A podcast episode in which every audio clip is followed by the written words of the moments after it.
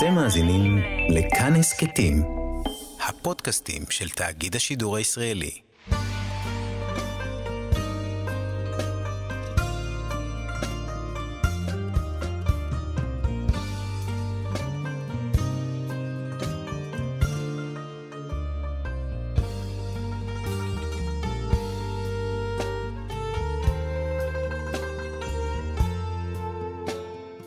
שלום, כאן מורשת, חברותא, לימוד משותף עם רבנים ואנשי חינוך בנושא תנ"ך, הלכה ואמונה. היום אנחנו לומדים תנ"ך יחד עם הרב דוקטור יוסף מרקוס, מרצה לתנ"ך ותורה שבעל פה הוא מרכז ימי העיון בתנ"ך במכללת הרצוג. כאן ליד המיקרופון, ידידיה תנעמי, שלום לך, כבוד הרב. שלום ידידיה. אנחנו רוצים ביד אחת לעסוק בספר מלכים בתקופה של חזקיהו, ביד השנייה כבר לפתוח את ספר ישעיה ולראות באמת איך התקופה הזאת מתכתבת מלך ונביא יחד. כן, אז uh, באמת, uh, תמיד כשאנחנו לומדים uh, נביאים אחרונים, כך למדתי ממורי הרב יואל בן נון, ונזכיר אותו היום הרבה, אי אפשר ללמוד נביאים אחרונים בלי לפתוח מקורות מקבילים בצורה מעמיקה, בספר מלכים בעיקר, ובימינו גם פעמים רבות בתעודות ארכיאולוגיות וכדומה. אה, ואחת מהדוגמאות אולי שממחישות את העניין הזה זה חזקיהו המלך. זאת אומרת, הדברים שישעיהו מדבר עם חזקיהו, או כותב על תקופת חזקיהו, אפשר להבין אותם רק אם באמת מעמקים במקורות אה, נוספים, כולל כמובן אה, ספר מלכים. ובאמת היום אנחנו ככה נדבר על חזקיהו בספר מלכים, בפרק י"ח ופרק י"ט, וכפי שאמרת, ביד השנייה, נעיין בספר ישעיהו, שגם uh, בפרק היומי נמצאים שם בפרקים הראשונים של ספר ישעיהו, ונראה את התמונה העולה uh, מהמקורות האלו יחדיו. ואנחנו מדברים על מלך שעשה שינוי לכל מה שהיה קודם לכן. נכון, חזקיהו באמת עושה מהפכה נורא uh, גדולה, uh, בעיקר ביחס לאביו, כן? בעצם, uh, אם ניזכר בשיעור האחרון שבו uh, דיברנו, הרי uh, שבאמת uh, אחז, אביו של חזקיהו, סגר את המקדש למעשה, השתעבד uh, לאשור באופן טוטאלי, על מנת להינצל מהעלייה של ארם וישראל על ממלכת יהודה, ובעצם הביא לסגירת המקדש והבאת המזבח האשורי לירושלים. זה הציל את ממלכת יהודה, ובאותו זמן, כפי שראינו, בעצם ממלכת ישראל, קצת לאחר מכן, אה, בעצם נחרבת בשנים הראשונות של אה, תקופת חזקיהו כבר. אז כשחזקיהו עולה למלוך, בעצם הוא אה, מוצא את ממלכת ישראל שעוד רגע תיחרב, עדיין לא. וכמובן שהוא מוצא מציאות, מציאות שבה המקדש למעשה סגור, ועבודת השם נמצאת בקרן זווית, וחזקיהו מתחיל באמת לעשות מספר מהפכות.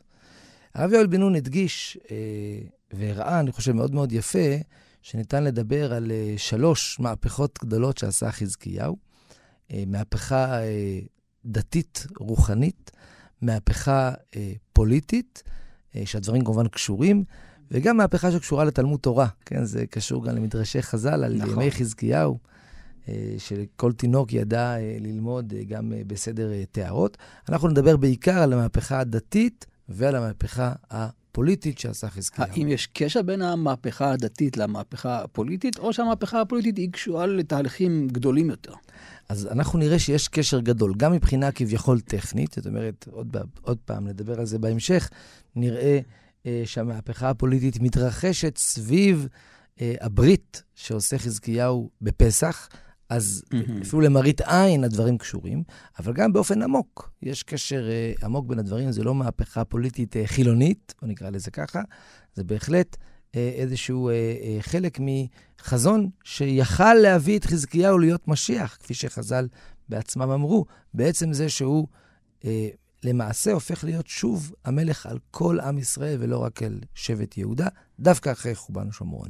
כן. אבל זה נדבר עוד מעט. כן, מתחיל... וגם נראה את הטעויות שהוא עשה לצערנו הרב, שהם בעצם מנעו ממנו. כן. נכון, לבסוף נגיע, בסוף נגיע ל, ל, אה, לכך שזה לא קרה, זה לא התרחש, אבל הייתה ציפייה גדולה.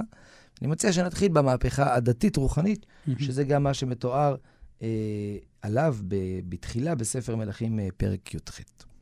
אז הכתוב באמת uh, מתאר את uh, עליית חזקיהו אה, אה, למלוכה במלכים ב' פרק י"ח, והכתוב אומר, ויעש הישר בעיני אדוני ככל אשר עשה דוד אביו. הוא הסיר את הבמות, ושיבר את המצבות, וחרט את העשרה, וכיתת את נחש, נחושת אשר עשה משה, כי עד הימים ההם היו בני ישראל מקטרים לו, ויקרא לו נחושתן. באדוני לא ישראל בטח, ואחריו לא היה כמוהו, בכל מלכי יהודה ואשר היו לפניו, וידבק באדוני לא שר מאחריו, וישמור מצוותיו אשר ציווה אדוני את משה. אז כאן הכתוב בעיקר מתאר את הסרת הבמות. עוד רגע נעבור קצת לדברי הימים, ונראה ששם הכתוב מתאר את חנוכת המקדש המחודשת. אז נתחיל עם הבמות. באמת הבמות, אנחנו יודעים שגם מלכים טובים, שהכתוב אומר עליהם לאורך אה, ספר מלכים, שהם עשו. ישר בעיני השם. רק הבמות לא שר. בדיוק. זאת אומרת, יש איזשהו קושי עם הבמות. עכשיו, מה זה הבמות למעשה? הבמות הן מקומות שעובדים בהם את השם. זה לא עבודת אלילים, אבל זה אסור. התורה אומרת שברגע שנבנה המקדש, רק המקום אשר יבחר השם, רק שם אפשר להעלות את הזבחים ואת הקורבנות. אבל עם ישראל היה מאוד מאוד קשה, ורוב המלכים לא הצליחו למעשה להסיר את אותם במות. וחזקיהו, אה, מה שמיוחד בו, גם ביחס למלכים קודמים, זה באמת העניין הזה שהוא לא רק משבר את המצבות, שזה עבודה זרה, אלא גם מסיר את הבמות. ובהקשר הזה יש דבר נפלא. אה, הרב אה, יואל בן נון אה, מדבר על כך רבות, על שאם הולכים לתל ערד, שזה אתר ארכיאולוגי, שיש לנו שם ממש מקדש, אבל מקדש שמכל הסימנים רואים שהוא לא מקדש אלילי.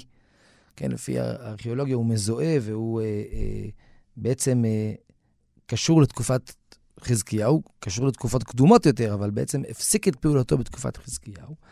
ואחרי החפירה, אז קודם כל גילו שזה לא מקדש אלילי, זה מקדש להשם, הוא אפילו בנוי באופן מאוד דומה למקדש בירושלים. זאת אומרת, כמו במה, רק יותר מפותחת מרוב המקומות, זה לא רק מזבח, זה ממש מקדש. וזה שהוא נמצא בערד, זה גם כנראה מסיבות אה, של אה, איזושהי אמונה שצריך לבנות אה, מקדשים להשם, אבל מקדשים בגבולות. כן, כדי גם לשמור על הקשר. כמו שמצאנו בבני גד ובני ראובן, שעברו את הגבול, אז הם בנו שם איזה מזבח כדי לקשר. כן, אז כאן זה לקשר ולהפוך, כאן זה להגן. שם זה לקשר בין מי שנמצא מעבר הירדן הזה ומי שנמצא בעבר הירדן השני. פה זה דווקא אה, מול האויב, 아, אה, כן? זאת אומרת, סוף, מול האויב. סוף הגבול. בדיוק, בגבול, ואז לכן מצאנו גם מזבח בבאר שבע, שזה מול הגבול המצרי, ובערד זה מול הגבול האדומי. עכשיו שוב, זה אסור, כי אסור לבנות במות, אבל זה לא היה עבודת אלילים. ורואים שם שזה ממש דומה למקדש בירושלים, ואין שם עבודת אלילים, אבל זה במה. עכשיו, מה שמרתק, שכשחפרו, גילו שבניגוד להרבה מזבחות של עבודה זרה בארץ, מכל התקופות, כשאנחנו מוצאים בעצם מאבק בעבודה זרה, כמו בחצור בימי ישוע, וגם בתקופ, מתקופות חזקיהו, אה, אה, כשמצליחים לשייך מקום מבחינה ארכיאולוגית לתקופת חזקיהו, בדרך כלל כשזה מדובר על עבודה זרה, אז זה מנותץ, זה שבור, mm. שיבר את המצבות. אבל המזב... אותו מקדש בערד, הוא לא מנותץ, פשוט כיסו אותו. זאת אומרת, כאשר חפרו, גילו אותו שלם? פחות או יותר בשלמותו. וואו. זאת אומרת, לא שברו אותו. אז אומר הרב יואל, זה מה שכתוב כאן. הוא הסיר את הבמות, לא כתוב, ושיבר את המצבות. Mm-hmm. והכי נפלא היה שהרב יואל מצא תשובה של חתם סופר, ששואלים אותו, כן? כמובן, הרבה לפני הארכיאולוגיה והרבה לפני אה, אה, שום דבר כזה.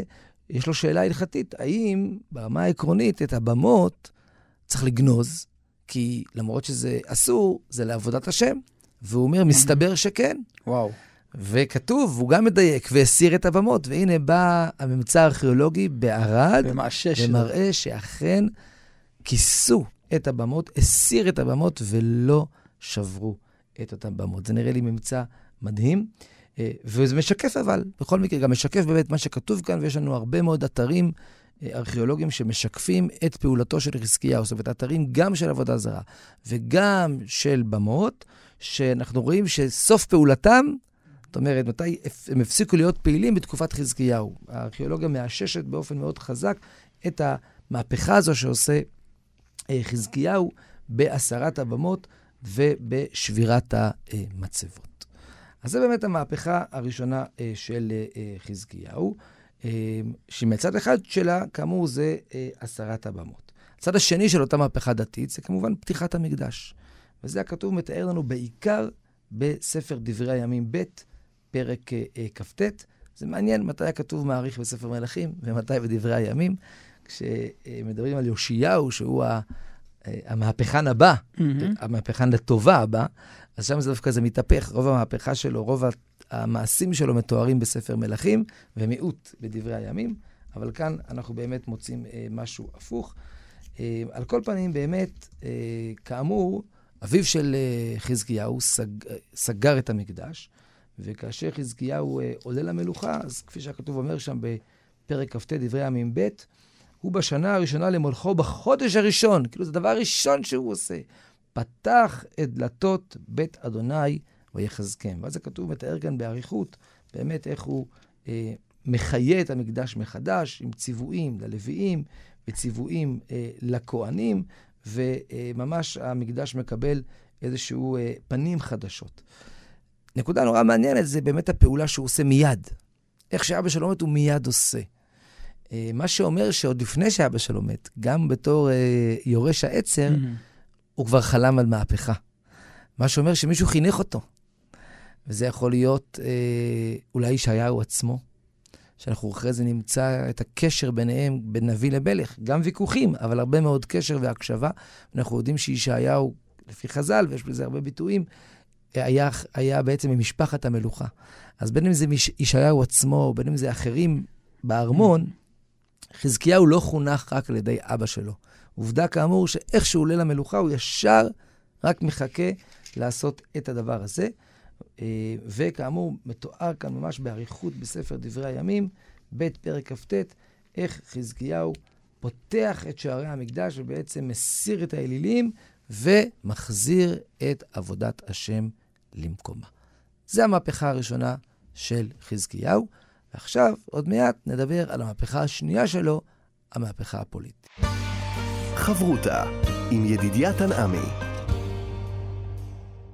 חברותה בתנ"ך כאן אה, במורשת, יחד עם הרב דוקטור יוסף אה, מרקוס, ואנחנו אל המהפכות של חזקיהו, ואנחנו עדיין בספר דברי הימים, שם הפירוט, נכון? נכון, כפי שאמרנו, הכתוב מתאר הרבה יותר בדברי הימים מאשר בספר מלכים ביחס לפעולותיו של אה, חזקיהו. ובאמת, אנחנו, אחרי שדיברנו על המהפכה הדתית, רוחנית, שבה הוא מצד אחד משבר את המצבות ומסיר את הבמות, ומצד שני פותח את המקדש מחדש, לאחר שהדבר הזה אה, אה, מוכן, אז אנחנו שומעים על מהפכה שאפשר לכנות אותה מהפכה פוליטית, אבל כפי שאמרנו בהתחלה, זה ודאי לא מנותק מהעולם כן, הדתי. מחובר.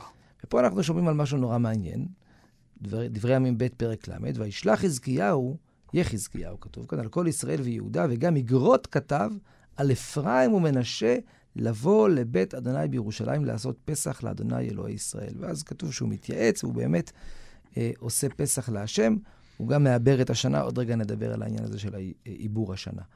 ובהמשך כתוב שוב, ויעמידו דבר להעביר קול בכל ישראל מבאר שבע ועד דן, לבוא לעשות פסח לאדוני אלוהי ישראל בירושלים, כי לא אה, לרוב עשו ככתוב. עכשיו, הדבר הזה הוא אה, אה, נשמע קצת אה, לכאורה מפתיע.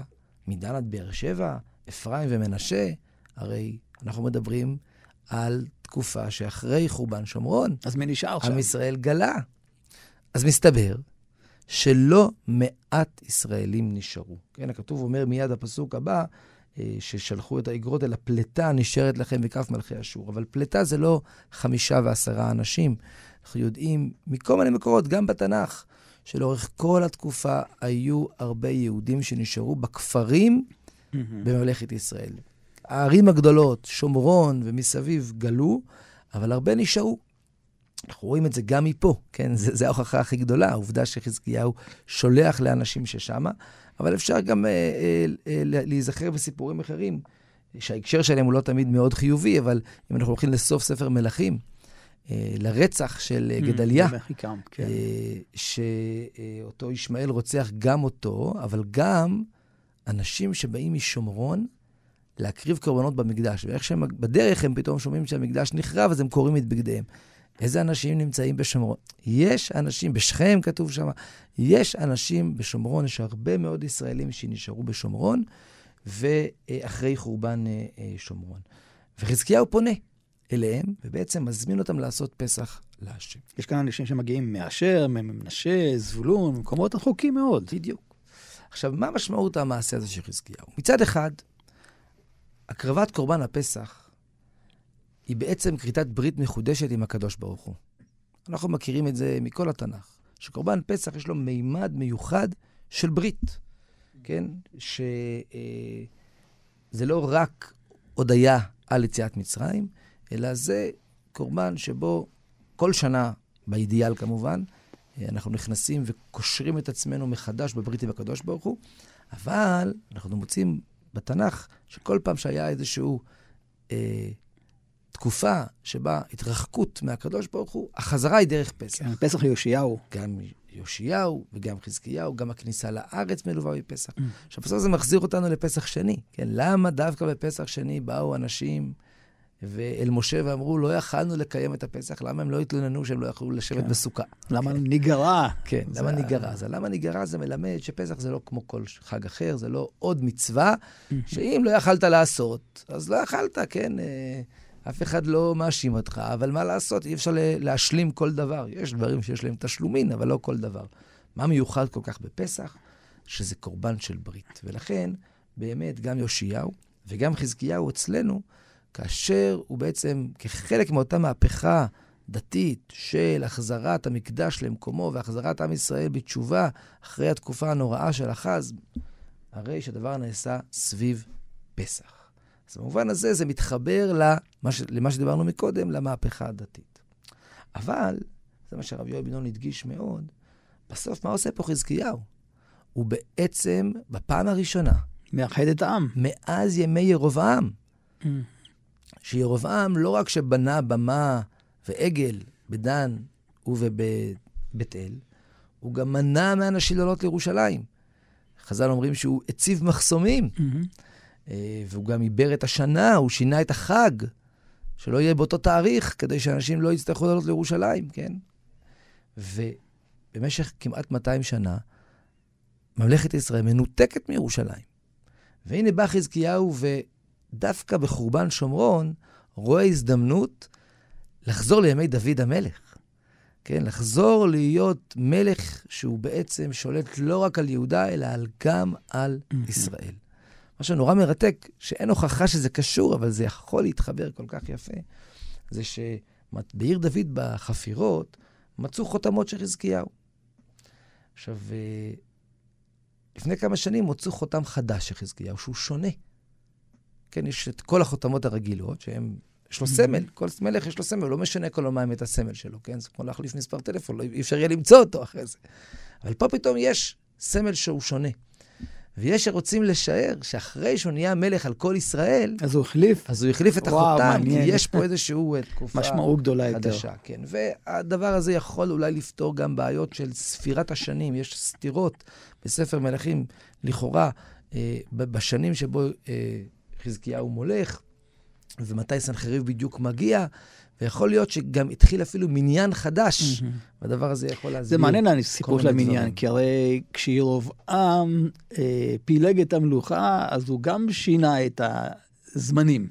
הוא שינה את הזמנים, בדיוק. ופה כתוב שהמלך מתייעץ ועושה את הפסח בחודש השני. עכשיו, יש לנו גמרא ידועה שאומרת שחכמים לא הודו לחזקיהו על זה שהוא עיבר את השנה, ניסן בניסן. אבל מעבר לעובדה שאולי הוא לא עיבר את זה בצורה נכונה, מה בעצם הוא עושה פה?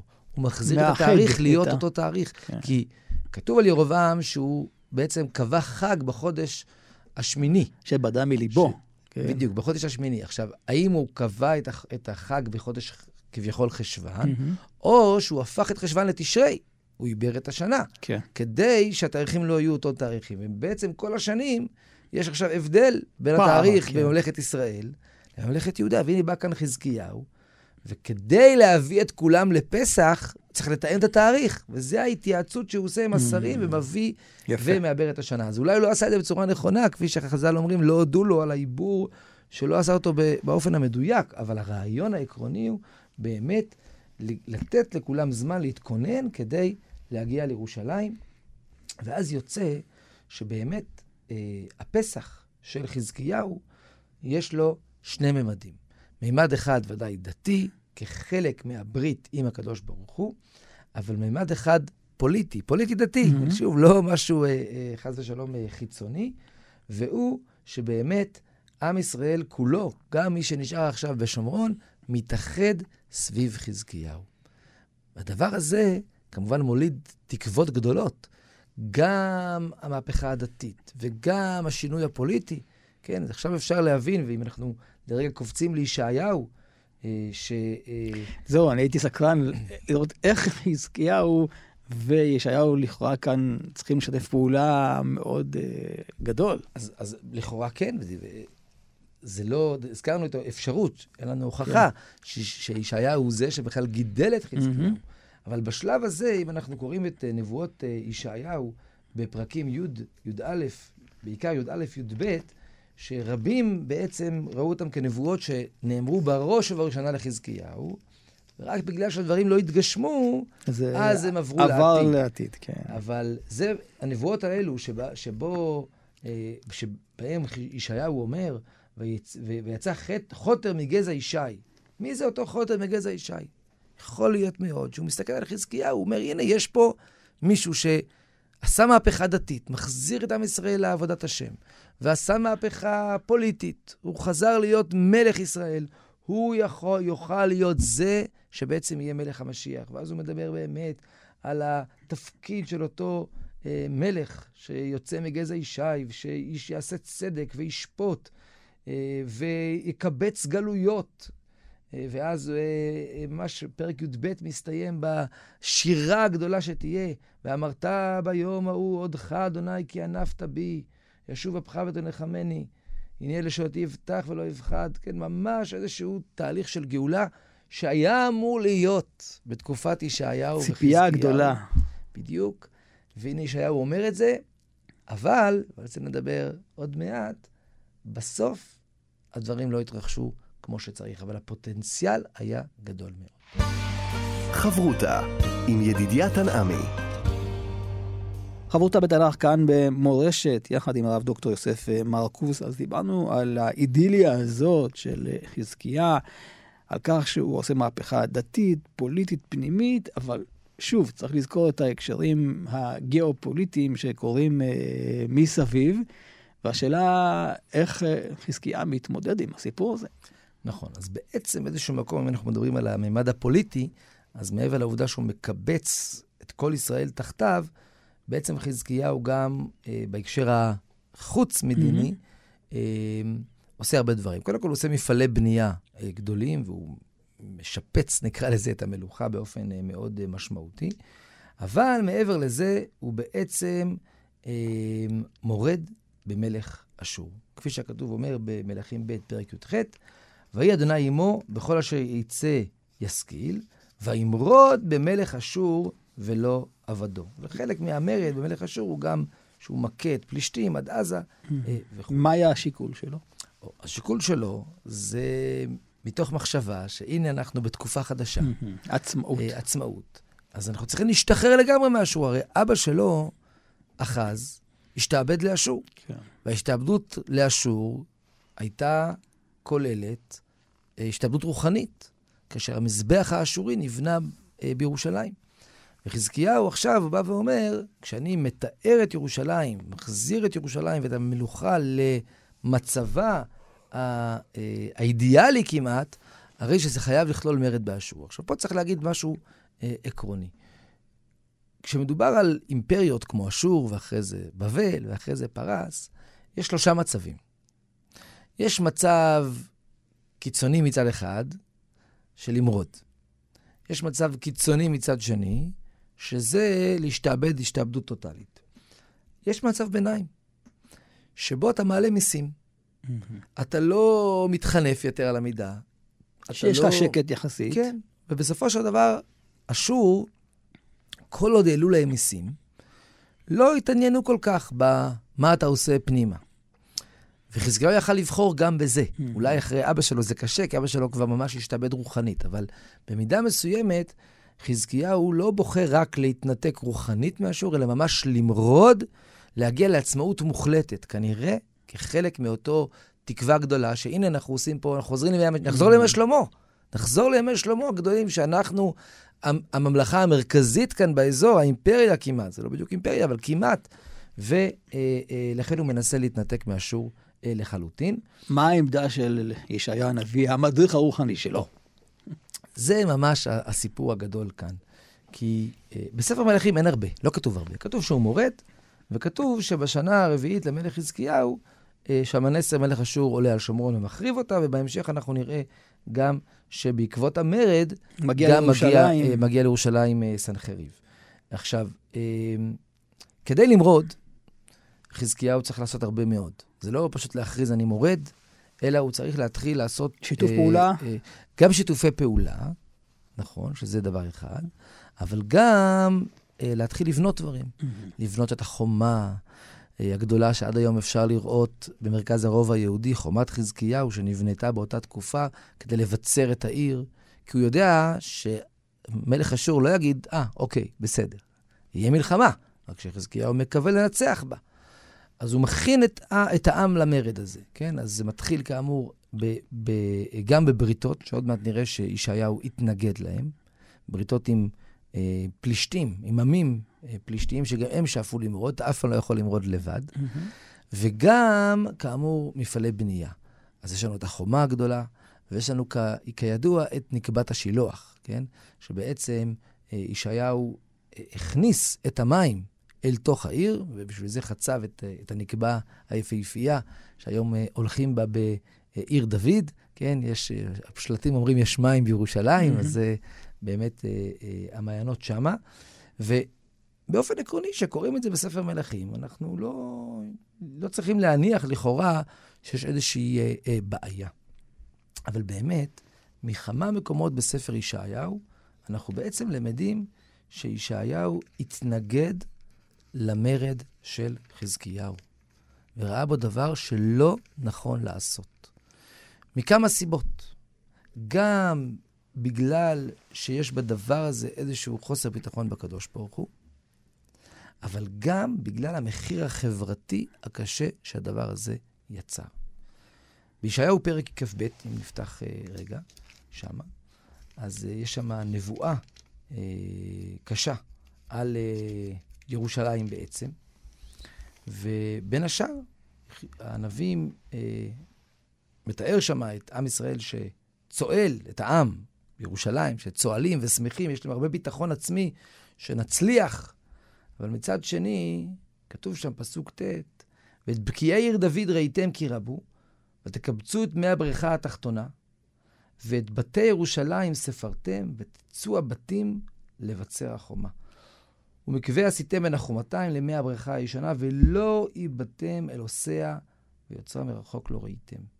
יש כאן ביקורת על כך שההכנות למרד הביאו להתרחקות מהקדוש ברוך הוא, אבל הביאו גם לעוולות חברתיות. כי כן. היו צריכים את החומרים לחומה, בדיוק. אז הם אלה הרסו בתים של העניים כנראה. נכון. מי גר קרוב לחומה בדרך כלל? מי גר תמיד ליד הגבול? א', אנחנו רואים את זה בכל מיני מקומות, כמו בסוסיא, לדוגמה, רואים את הבתים שנמצאים בתוך החומה. זאת אומרת, מי שאין לו כסף, אז הוא משתמש בחלק מה... אחד מהקירות של הבית שלו זה החומה. אבל מעבר לכך, מי גר על הקצה? גם בארץ תמיד, כן, השכונות אה, העניות, הרבה, הרבה פעמים היו שכונות ספר, כן? כן. היום אה, מוסררה זה שכונה מתפתחת בירושלים, ואנחנו יודעים שהייתה שכונה יותר אה, אה, ענייה בעבר. למה? כי עד 67' היא הייתה מול הגבול הירדני. אותו דבר לגבי אה, דרום תל אביב, כן? הייתה לגבול של יפו, כן? זאת אומרת, אה, אה, המקומות שבהם יש ממשק עם האויב, הולכים רק מי שאין לו אה, ברירה. והכתוב כאן מבקר את, את חזקיהו על הדבר הזה, אה, וזה אומר שישעיהו התנגד. אה, עכשיו, פה, בישעיהו פרק כ"ב, יש בזה, התיאור פה הוא, נקרא לו מינימליסטי כזה, כן? מתון מבחינת הבעיות. אבל uh, בעצם, כשאנחנו פותחים ישעיהו פרק א', פרק שמצד אחד לא כתוב במפורש באיזה תקופה הוא נאמר.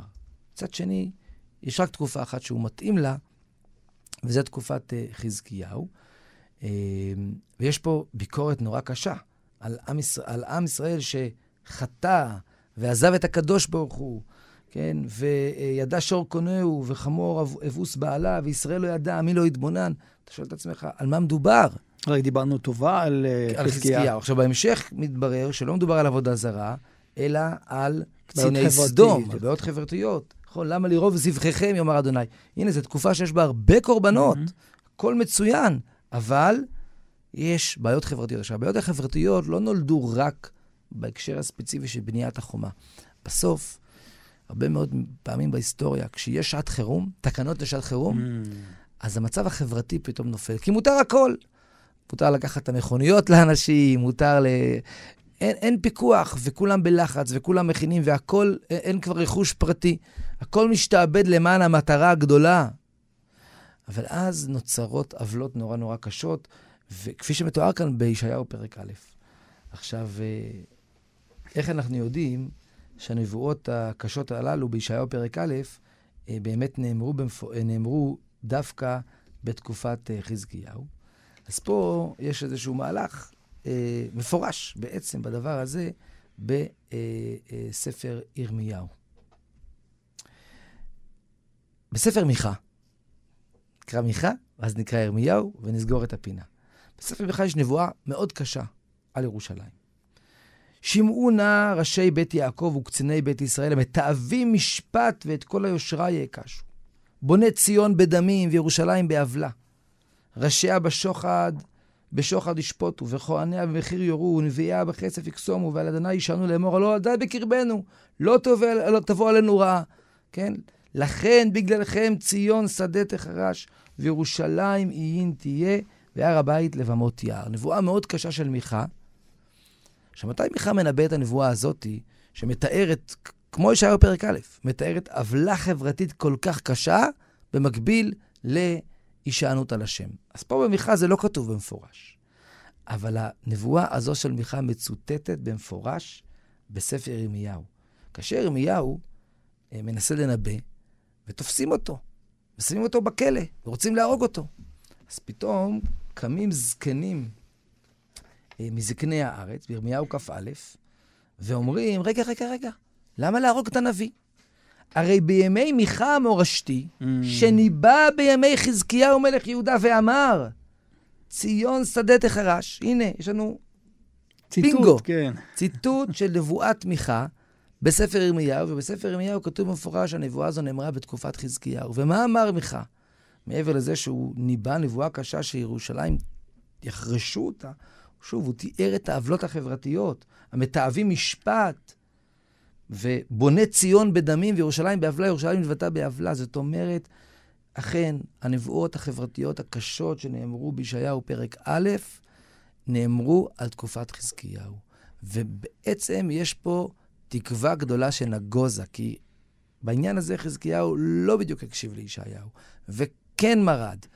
וברגע האחרון, הוא בא להתפלל. אנחנו חוזרים למשל לספר מלכים, כן. המרד... ואז בעצם העיר ניצלת נכון, בזכות התפילה. נכון. עכשיו, אנחנו חוזרים רגע באמת לספר מלכים, אז בעקבות המרד מגיע כמובן סנחריב, אה, והשר שלו הידוע, אה, רב, רב שקה, וישעיהו אה, פה עוזר בתפילה, וירושלים ניצלת. אבל, עוד פעם, אם נחזור לישעיהו פרק א', כן, ירושלים ניצלה בנס. בינתיים.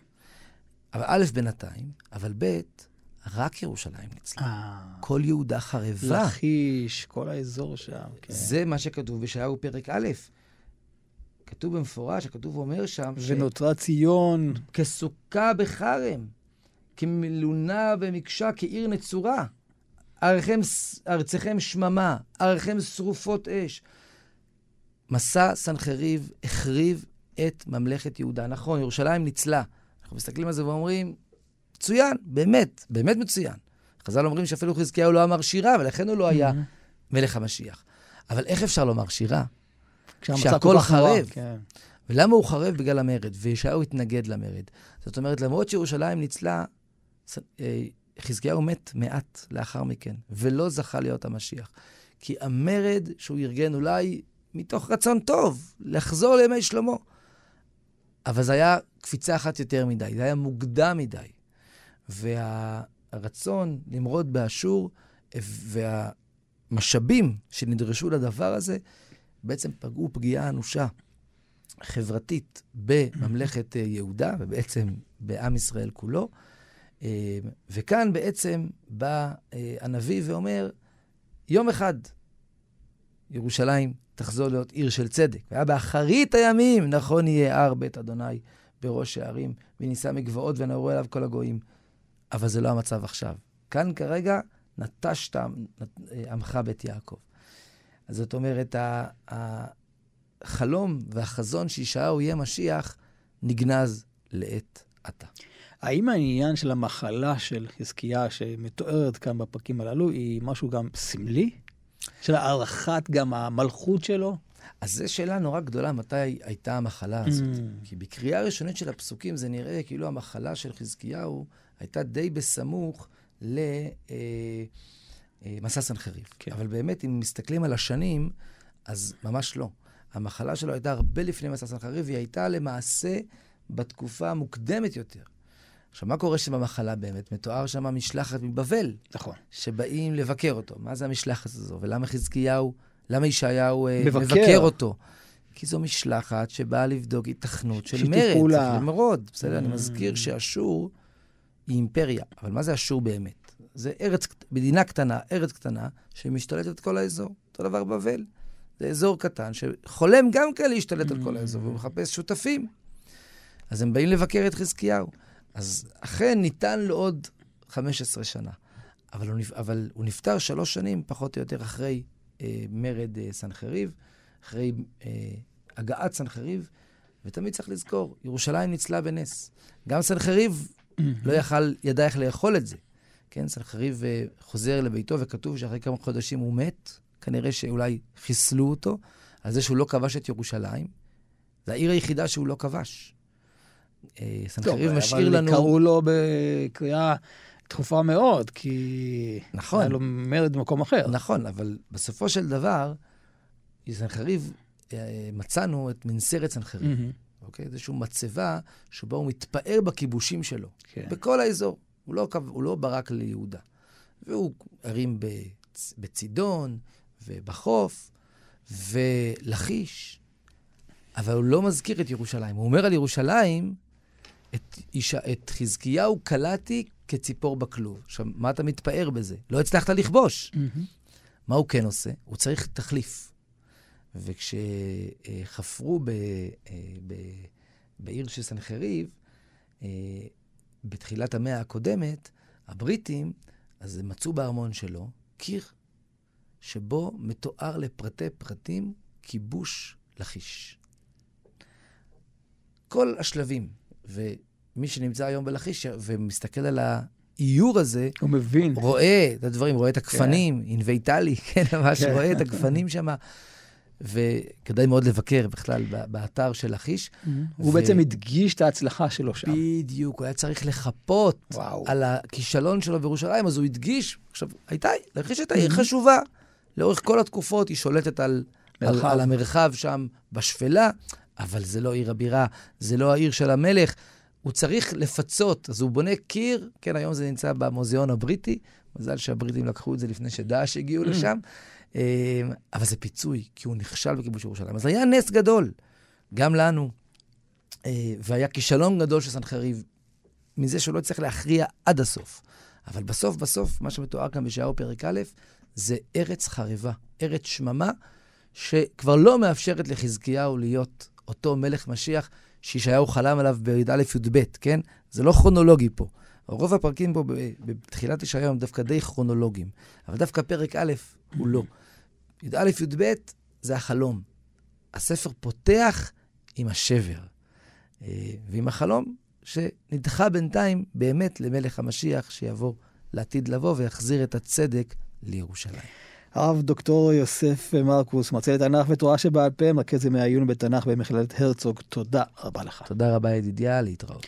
כאן ידידיה תנעמי, אנחנו עוד נשוב וניפגש בחברותה הבאה, ניתן להאזין לתוכנית הזאת באתר כאן מורשת ובשאר יישומי ההסכתים. אתם מאזינים לכאן הסכתים, הפודקאסטים של תאגיד השידור הישראלי.